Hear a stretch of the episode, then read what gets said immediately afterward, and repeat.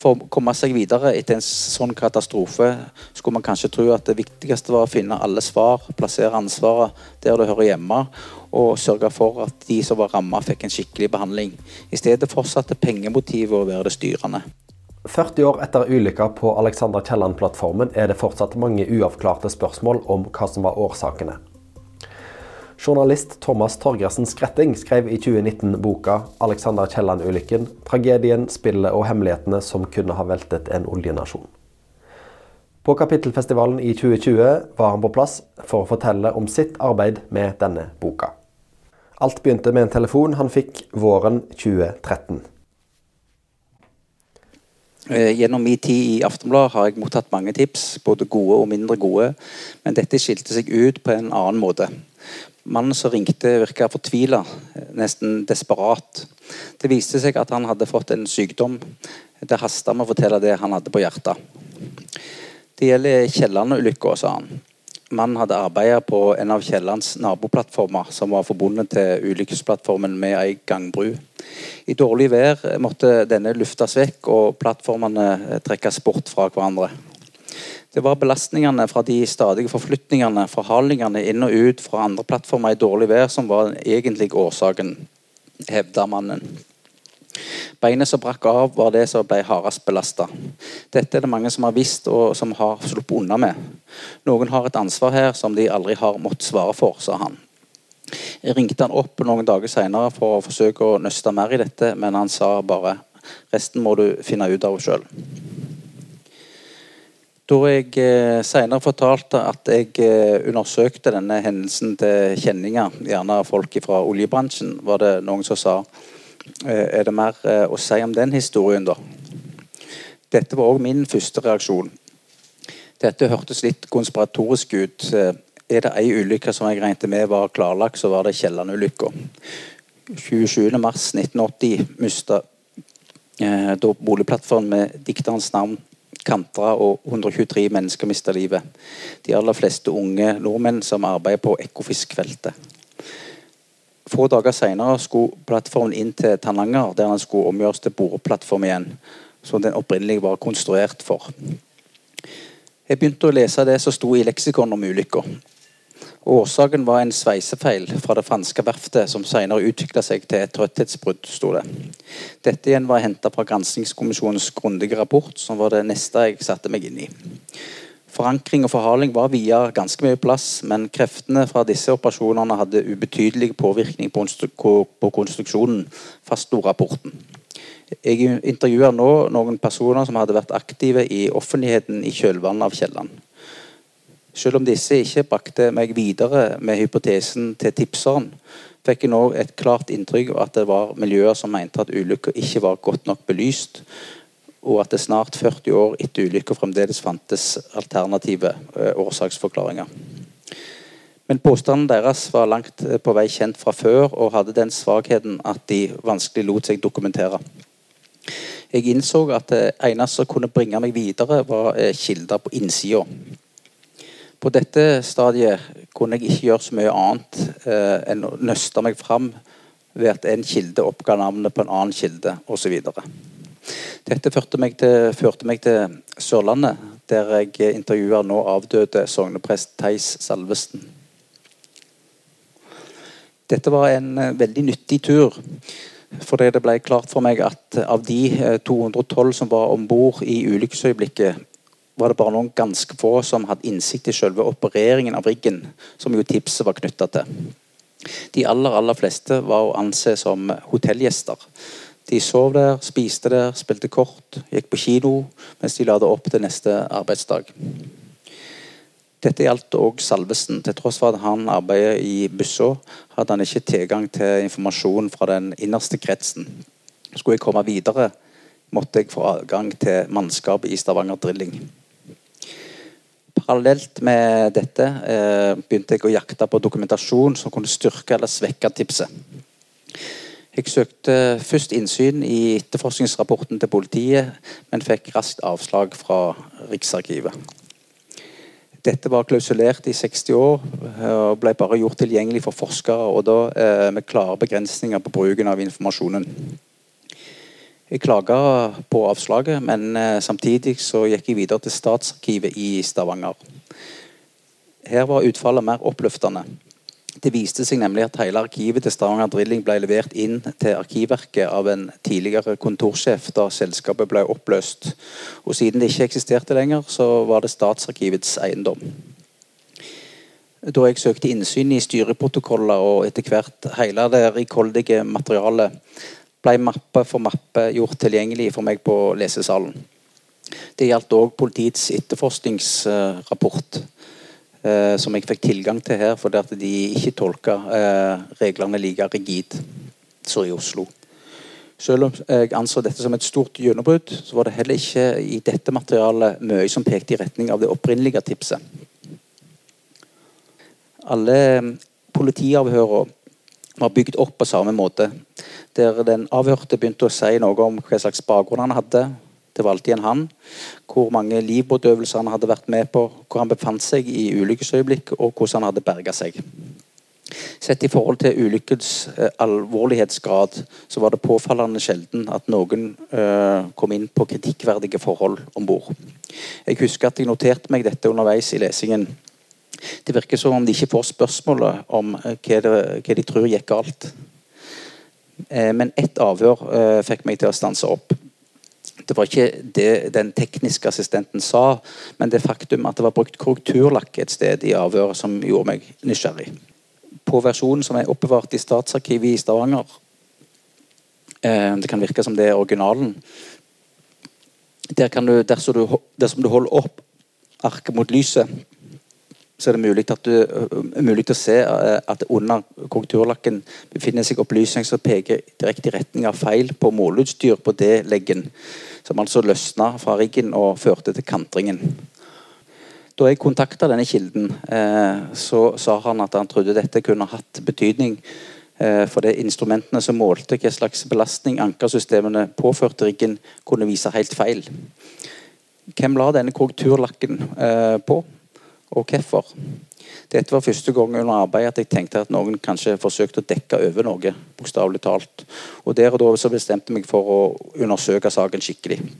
For å forstå Kielland-ulykka og spillet som fulgte i kjølvannet av den, må man eh, vite en del om tida eh, som den skjedde i. Norge var en eh, fersk oljenasjon i 1980. Utover på 1970-tallet hadde nasjonen bygd opp de første systemene rundt den nye oljeindustrien. Lovgivning, kontrollorganer og så kom oljekrisen i 1973-74. Bakgrunnen var at OPEC skrudde opp prisen på råolje samtidig som han kutta i oljeproduksjonen for å tvinge Israel til å gjøre retrett i krigen mot Egypt og Syria. Dette førte til at kongen tok trikken. Folk gikk på ski i gatene fordi det ble innført restriksjoner på bilkjøring. Men langt mer vesentlig den tok omtrent knekken på den norske utenriksfarten, og hele flåten av norske tankskip ble eh, lagt i opplag. Dette igjen ga ringvirkninger i den viktige verftsindustrien, der verft ble lagt ned på løpende bånd langs hele kysten. Oljekrisen gjorde det klart for alle hvor sårbare vi hadde vært eh, eh, ved å gjøre oss avhengig av den såkalte araberolja. Dette ga grunnlaget for en voldsom satsing på vår egen olje eh, på Nordsjøen. På slutten av 70-tallet hadde Arbeiderpartiet virkelig fått skuta på rett kjøl igjen. Med Høyre pustende i nakken, basert på framgangen til Thatcher og de konservative i Storbritannia, var det viktig for Arbeiderpartiet og statsminister Oddvar Nordli og for alle de ledige sjøfolk og verftsarbeiderne i sving igjen. Nordsjøen løste begge deler. Sjøfolka begynte å arbeide på plattformene. Verftene laga supplybåter i stedet og reparerte de første installasjonene som hadde fått skader og sprekker. Statoil var etablert, Statfjord A var akkurat kommet i produksjon, og flere prosjekter var under planlegging. Arbeiderpartiet hadde til og med gått til det skrittet å åpne for meget skattegunstige kommandittselskaper, som gjorde at de eh, mest kjente skipsrederne gikk sammen om å kontrahere oljeplattformer i stedet for skip. Storkapital, storkapitalen dreide. Stavanger Drilling 2 AS var et slikt kommandittselskap, og òg her var optimismen på topp rett før ulykka. Derfor var eh, Kielland-ulykka en katastrofe på flere plan. For familien, familiene som mista en ung far og ektemann eller en sønn med livet foran seg. For alle bedriftene som led eh, smertefulle tap av gode kolleger og som mista livet mens de var på arbeid. Og for nasjonen som opplevde selve marerittet. At alle de som hadde advart mot de risikofylte operasjonene i Nordsjøen, og som mente Norge ikke hadde kompetanse til å drive med oljeleting, hadde fått rett. Da statsminister Nordli møtte pressen på Sola morgenen etterpå, så spurte reporterne betyr dette slutten på oljevirksomheten i Norge. Hvilke konsekvenser får det for planene om oljeleting nord for 62. breddegrad? Det var den store debatten på den tida. Det var dette som sto på spill. Det neste avgjørende funnet i Kielland-dokumentene var egentlig ikke et funn. Det var nemlig oppdagelsen av at noe som mangla eller flere, etter flere gangers gjennomlesing av politirapportene slo det meg en kveld at det var noen politiavhør jeg ikke hadde sett. Siden jeg på dette tidspunktet hadde fått tilgang til mannskapslisten og hadde oversikt over nøyaktig hvem som var om bord blant besetningen i Stavanger Drilling, var dette noe jeg faktisk kunne kontrollere. I innledningen ble etterforskningsrapporten presentert som fullstendig, og alle de avhørte var alfabetisert, og rapporten var påført sidetall. Da jeg igjen sjekka rapporten neste dag, fant jeg ut at fire avhør mangla, selv om sidetallene var komplette. Alle de som mangla, tilhørte mannskapet ulykkeskvelden. To av disse viste seg å være døde. De to andre var Geir Vestre og Magne Sildelid. Geir Vestre har en tvillingbror, Jan. Han er avhørt, og alfabetisk går altså Geir ligge foran han i rapporten. Under det lange intervjuet med Geir i hagen hans ut Haugesund, det var en varm sommerdag, fortalte han mye, men jeg fikk likevel følelsen at han holdt noe vesentlig tilbake. Først da jeg fortalte han om politirapporten og at, jeg, og at jeg ikke hadde hatt evne til å spore opp hans avhør, forsto jeg at det hadde vært en slags sjømannskodeks som hadde holdt han igjen. Det var folk der inne som ikke klarte seg, og som ikke kunne forsvare seg. Men nå fortalte han likevel. Han hadde passert kontrollrommet like før ulykka. Som den aller første kilden fortalte han om uro og banning der inne like forut for katastrofen. En person der inne ropte 'faen', altfor mye tension på dette ankeret. Altså ankeret altfor stramt. Han fortsatte videre til kino like i nærheten og stilte seg i åpningen for å vurdere om han eh, ville se filmen som var i ferd med å begynne, da de hørte det første braket og fikk den første, første bølga av skjelving gjennom plattformen. Vestre sier òg at han hørte en lyd som om noen slapp kjetting ned på helidekket over oss, som han beskriver det. Den andre som mangla i politiets hovedrapport, det var Magne Sildelid. Magne Sildelid hadde sin første dag i ny jobb da han mønstra på Alexander Kielland 27.3.1980. Han hadde ikke fått noen opplæring. Som nesten ferdig utdanna sjøkaptein hadde han spurt ettertrykkelig etter dette, for han var vant til svært eh, grundig opplæring på tankskipet han kom fra. Han hadde aldri satt sine bein på en plattform.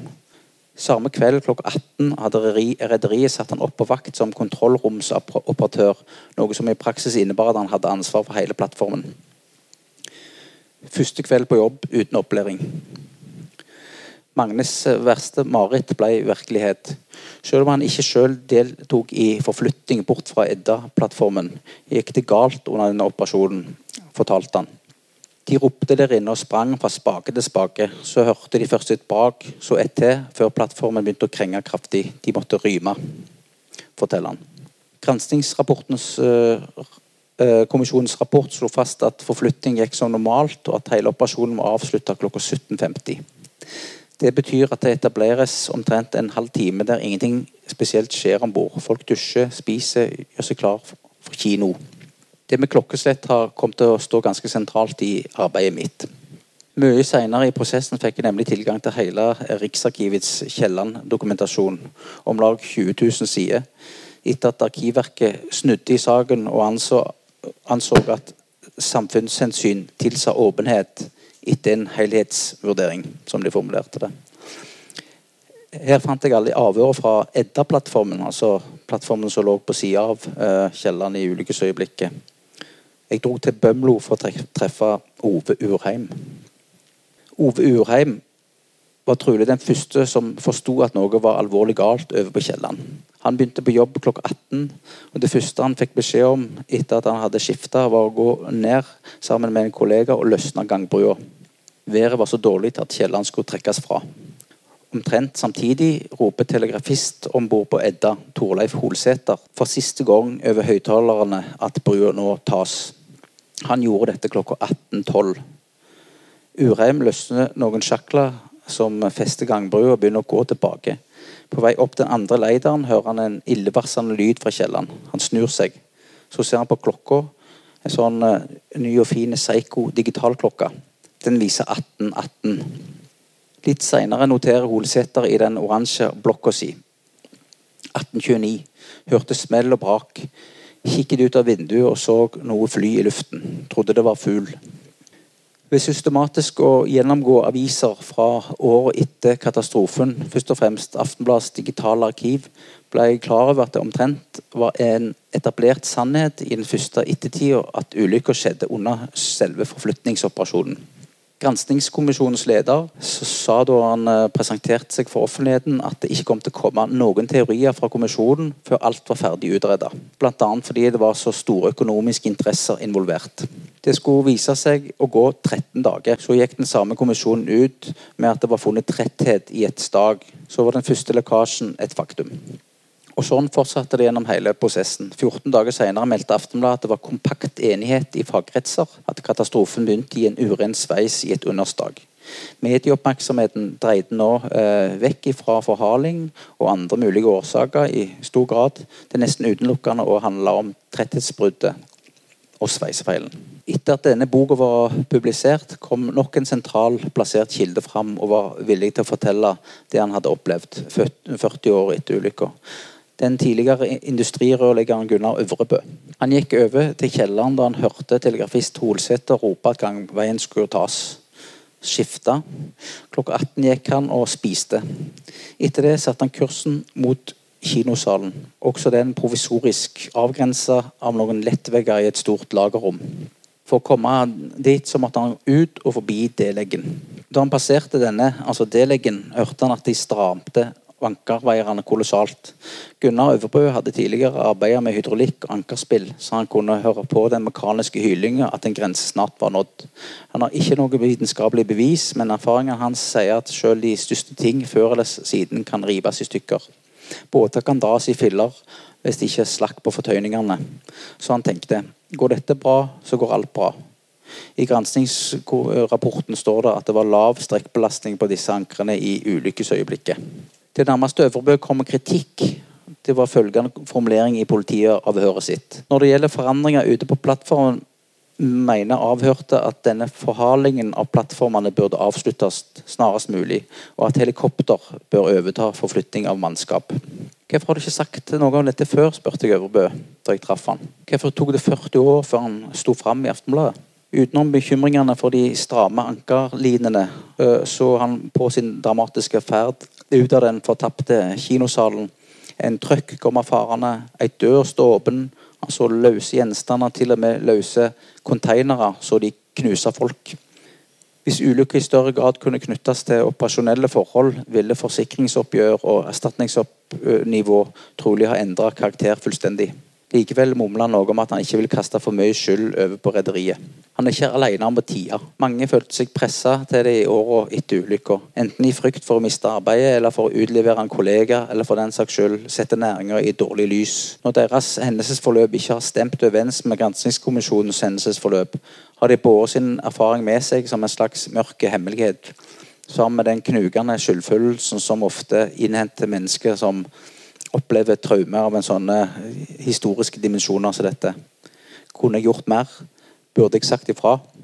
Kjelleren ble slept hit og dit og ut, uh, inn og ut før ulykka.